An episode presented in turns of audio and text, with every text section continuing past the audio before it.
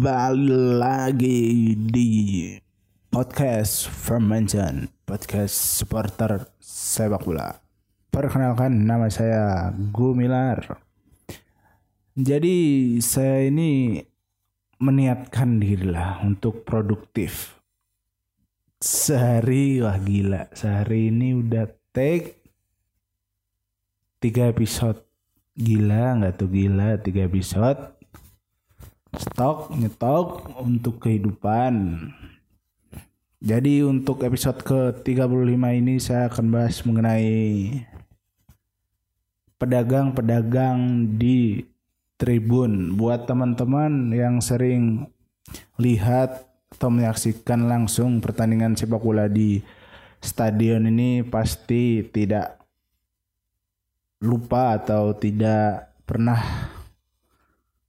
apa membeli lah tidak pernah membeli lah tidak pernah melupakan bagaimana para pedagang-pedagang ini masuk di stadionnya seperti apa. Pasti membeli.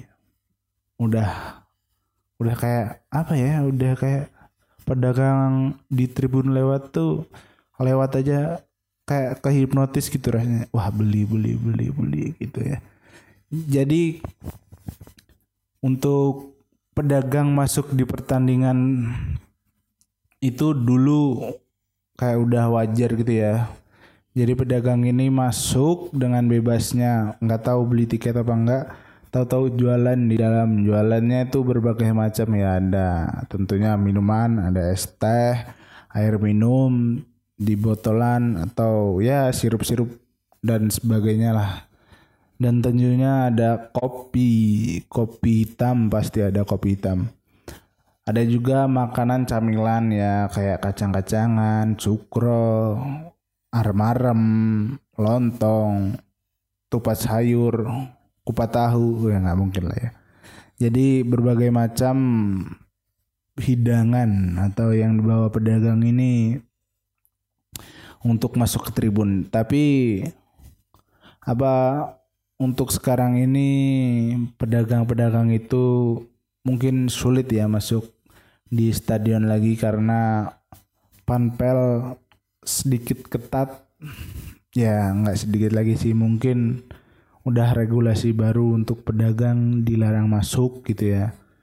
Jadi pedagang ini berjualan lah di sekitar stadionnya di luar stadionnya dia berdagang untuk menghidupi kehidupannya jadi ada banyak pilihan lah ya untuk para pedagang-pedagang ini nggak boleh masuk stadion ya di luar stadion untuk berdagang. Buat teman-teman yang membeli pedagang dibayar, jangan lupa dibayar. Ya bukan apa ya dia kan pedagang untuk menghidupi keluarganya. Jangan sampai dijarah, jangan sampai dijarah sekali lagi dibayar buat teman-teman ya dibayar. Jangan sampai jangan sampai. Ini buat teguran aja ya yang sering sering beli langsung kabur atau enggak beli berapa ngomongnya berapa. Nah jangan diulangin lagi ya buat teman-teman yang di apa nonton live di stadion ya jadi pedagang ini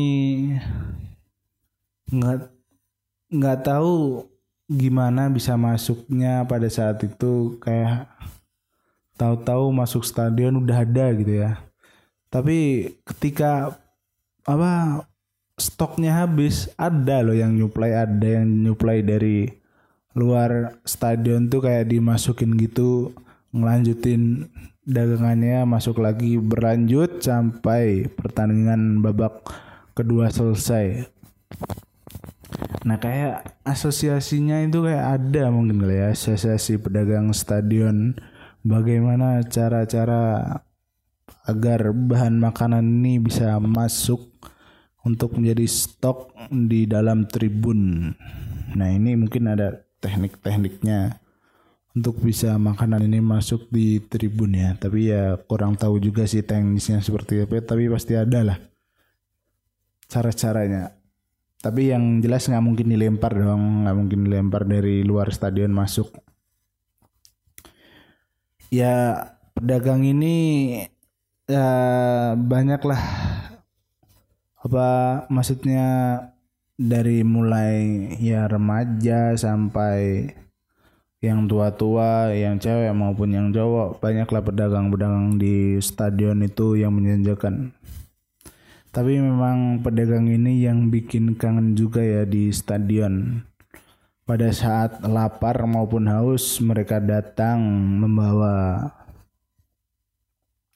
membawa dagangannya untuk dibeli. Wah kayak mendapat apa wahyu gitu anjir wahyu kayak mendapat jawaban atas segala kelaparan dan kehausan itu ya bikin kangen lah di stadion apalagi pandemi gini nggak bisa di stadion dibatasi dibatasi liga pun nggak tahu mulainya kapan ya jadi ditunggu saja untuk bernostalgia lagi dengan pedagang-pedagang di tribun nih jadi untuk episode kali ini saya menceritakan pedagang di tribun. Wassalamualaikum warahmatullahi wabarakatuh.